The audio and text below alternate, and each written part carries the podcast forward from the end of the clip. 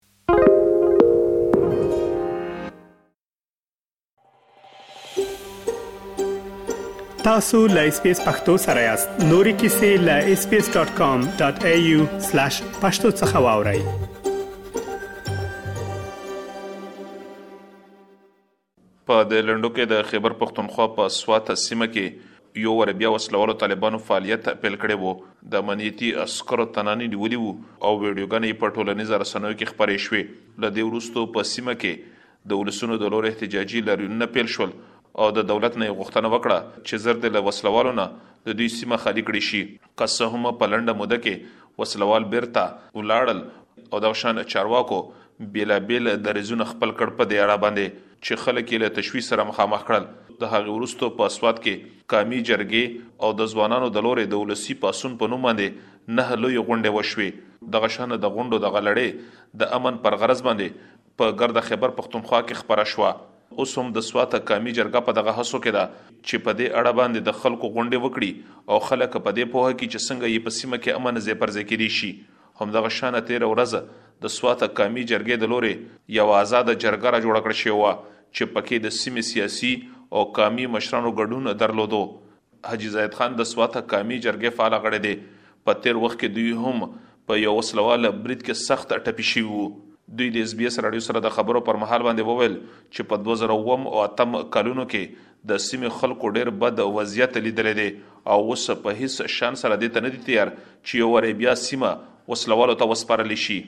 دوی زیاته کړه چې هم پر دې اساس باندې په خلکو کې د وسله والو پر ضد باندې سخت لکس العمل ولیدې شو. اوله خبره چې دا هغه ده چې امن اولنې زمونږ پیارټي ده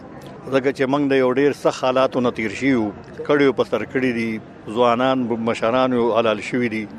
په بم دماکو کې زمونږ په جماعتونو کې په جنازو کې شوی دي سکولونه موډنګ شوی دي آبادیان هسپتالونه مو الوتی دي نو هغه صورتحال که دوباره راځي نو پاغي د سواد قوم هیڅ کله هم هغه ته تیار نه دی او موږ نه غواړو چې هغه شان صورتحال جوړ شي دا بل خبره ده چې حکومت د طالبانو سره مذاکرات کوي او دلته د هغه په نتیجه کې امن راځي نو بعضي خبرې داسي چې موږ په هغه باندې غښکته کو او خو زمونږ به د سټیټ نه مطالبه دا ای چې راکه تاسو دغه خلک معاف کړئ خول خو په کار دا چې دا خلک ټوپک کړي ځان قانون ته حواله کړي ظاهر خبره ده چې قانون کې ګواه نه نو سزا نشي ورکېده دا به خامخا د عدالتونو ازاديږي نو په کار دا چې دی ضمانت ورکي او لکه څنګه چې مخکې درې څلور سو کسان د دې اختر نه مخکې حکومت را پریخي دي او هغه په خپل کلو کې ژوند کوي نو هغه بس هیڅ چا لور ټوپک نه راغسته او چې سړی په امني موږ به دې ته خوشحالي ګو چې را خلک راشي او دلته کې په امن ژوند تیر کی دغه رنګ حکومت دغه طالبانو سره مذاکرات کوي او هغه د ټوپک په زور دلته په خلکو باندې خپل مرزي نه مسلط کوي بلکې د قانون او د عین ته دلته کې ژوند کوي نو هیڅ څوک دا اعتراض نشي لري چې دا خلک د ناراضي ځکه چې دا د قام د علاقې خلک دي دلته رشتہ دار دي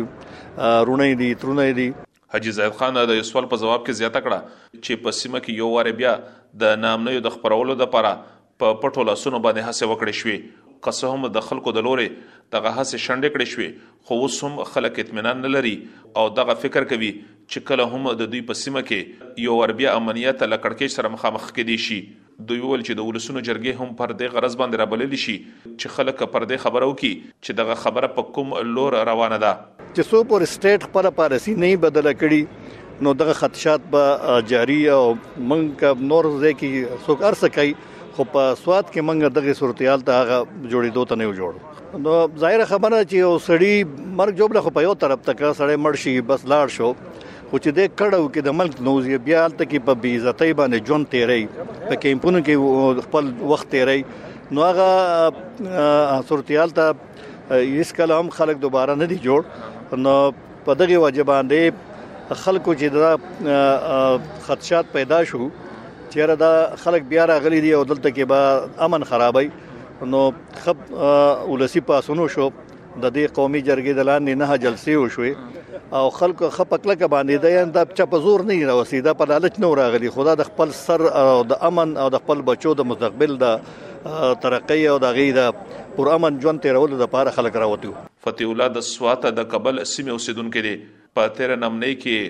پلار چې قامي مشر و، د وسله والو د لورې په یو برید کې ووژل شو. دوی وویل چې د تېر وخت په پرتله باندې د ناامنۍ پرضد باندې د وینا او د هڅو په برخه کې ویره له منځه وتلې ده او خلک په ډاډه توګه باندې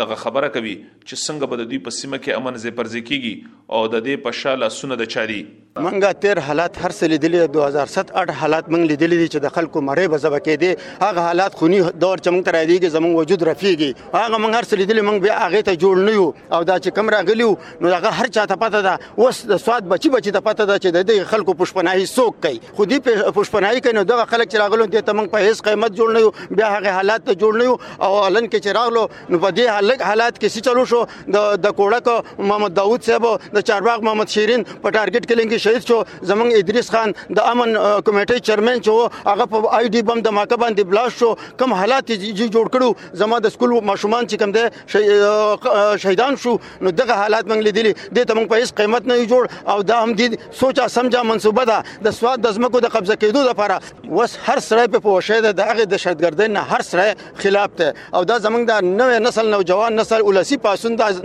نوجوانان چې هغه را پاسې د زمونږ د مشران ټول وسره ودرېدو نه چې هغه وکړه کنه دا خلک بیا راغله زما سکول زما د ننګولې په سکول کې فوج بیا د رشو بیا هغه حالت شروع خو چې کله زمونږ په مونږ په کابل کې احتجاج وکړو او بیا د نشاد چوک احتجاج وشو چې مونږ ګور دلدونه سړی دا سکول نه مونږ له خالی کړو ظاهر شاه د بره باندې سیمه یو قامي مشر دی او په جرګه کې ګډون کړی دی دوی وویل چې اوس حالات بدل دي او هغه خلک چې په سیمه کې د نامنیو د خبرولو هڅه کوي هغه خلک د سیمه ځوانان په ډاډه توګه باندې په ټولنیز رسنیو کې خلکو ته مخې ته راولي او د هغې نومونه اخلي نو بايد چې دولت په دې خبره باندې پوه شي چې خلک دې نور ونه ځپل شي. موږ دا وینو چې لکه د سوات خلک دا وایي که نه چې دوی به اوس هغه حالات ځکه نشي پیدا کېدی چې د چا پلار مړ دی د چا رور مړ دی د چا وراره مړ دی د چا د خاندان بل یو کس مړ دی نو دوی وایي چې لکه دا دهشتګردي په موږ پسې راوستل شوې ده په موږ مسلط کړې شوې ده نو اوس موږ دوباره هغه حالات ته تیار نه یو ولې چې یو یو رانه وجني نه په جمع دی مړ کیږي هغه ته خده ای پلیټفارم کې د هرې پارټۍ خاک کاسته د هر ګون یو خاص پکشته که هغه مسلمي ګیره که نشنل دی که پښتونخوا ملي پارټۍ والا دی که جمعیت علما والا دی که بل څوک دی خو هغه ټول په دې متفق شوی دی چې موږ په سواد کې صرف او صرف امن غواړو د امن نه علاوه موږ ته بل لار منظور نه ده مونږه په هغه کې بدلون زیاتو موندل دي ولې چې کدوی هغه دهشتګردي بیا مسلط کول غوښتو خو لیکن هغه حالات کې خلک را پاسېدو او زه په دې چوکونو بند کړو زه په دې احتجاجونه وکړو نو هغه حالات پوس نشي پیدا کېږي په 2008 کال کې په سواد کې د وسلهوالو طالبانو د فعالیت له امله د سیمې نه د زرونو په شمېر خلکو کډې کړې وې، په سیمه کې کلک فوځي عملیات وشول او دغه شان څو میاشتې وروسته خلک خپلو سیمو ته ستانه شول، خو د دغه هر څه وروسته په سیمه کې خلکو ته لوی ځاني او مالي اتلافات اوړېدلي وو، په سیمه کې امنیتي پوستې ډېرې شوې او دغه شان د خلکو تګ راتګ ډېر سخت عمل وګرځول شو، که څه هم د سیمې د خلکو د ګټې وټې تر ټولو لویه وسیله سیالګري ده، خو ولې د ناامنیو له امله په دې برخه کې اربونه کلدار نقصان خلکو ته واوړېدو؟ دغه اوس د طالبانو د راتګ په اړه باندې د خېبر پښتونخوا د ایالتي چارواکو بېلابېل العکس العمل مخې ته راغلو، ځنو وویل چې طالبان نه دي راغلي او ځنو وویل چې طالبان راغلي دي، خو هېڅ کومه وسله واله مبارزه نه لري. دغه شان ځینو چارواکو وویل چې دغه طالبان د خپلو خپلوانو کره راغلي دي او یا د خپلو بچو تپوس ته راغلي دي. د خېبر پښتونخوا ایالتي مشر وزیر محمود خان هم د سوات د سیمې اوسېدونکی دی. ځینې ناتاییده راپورونه وايي چې د ده ورور هم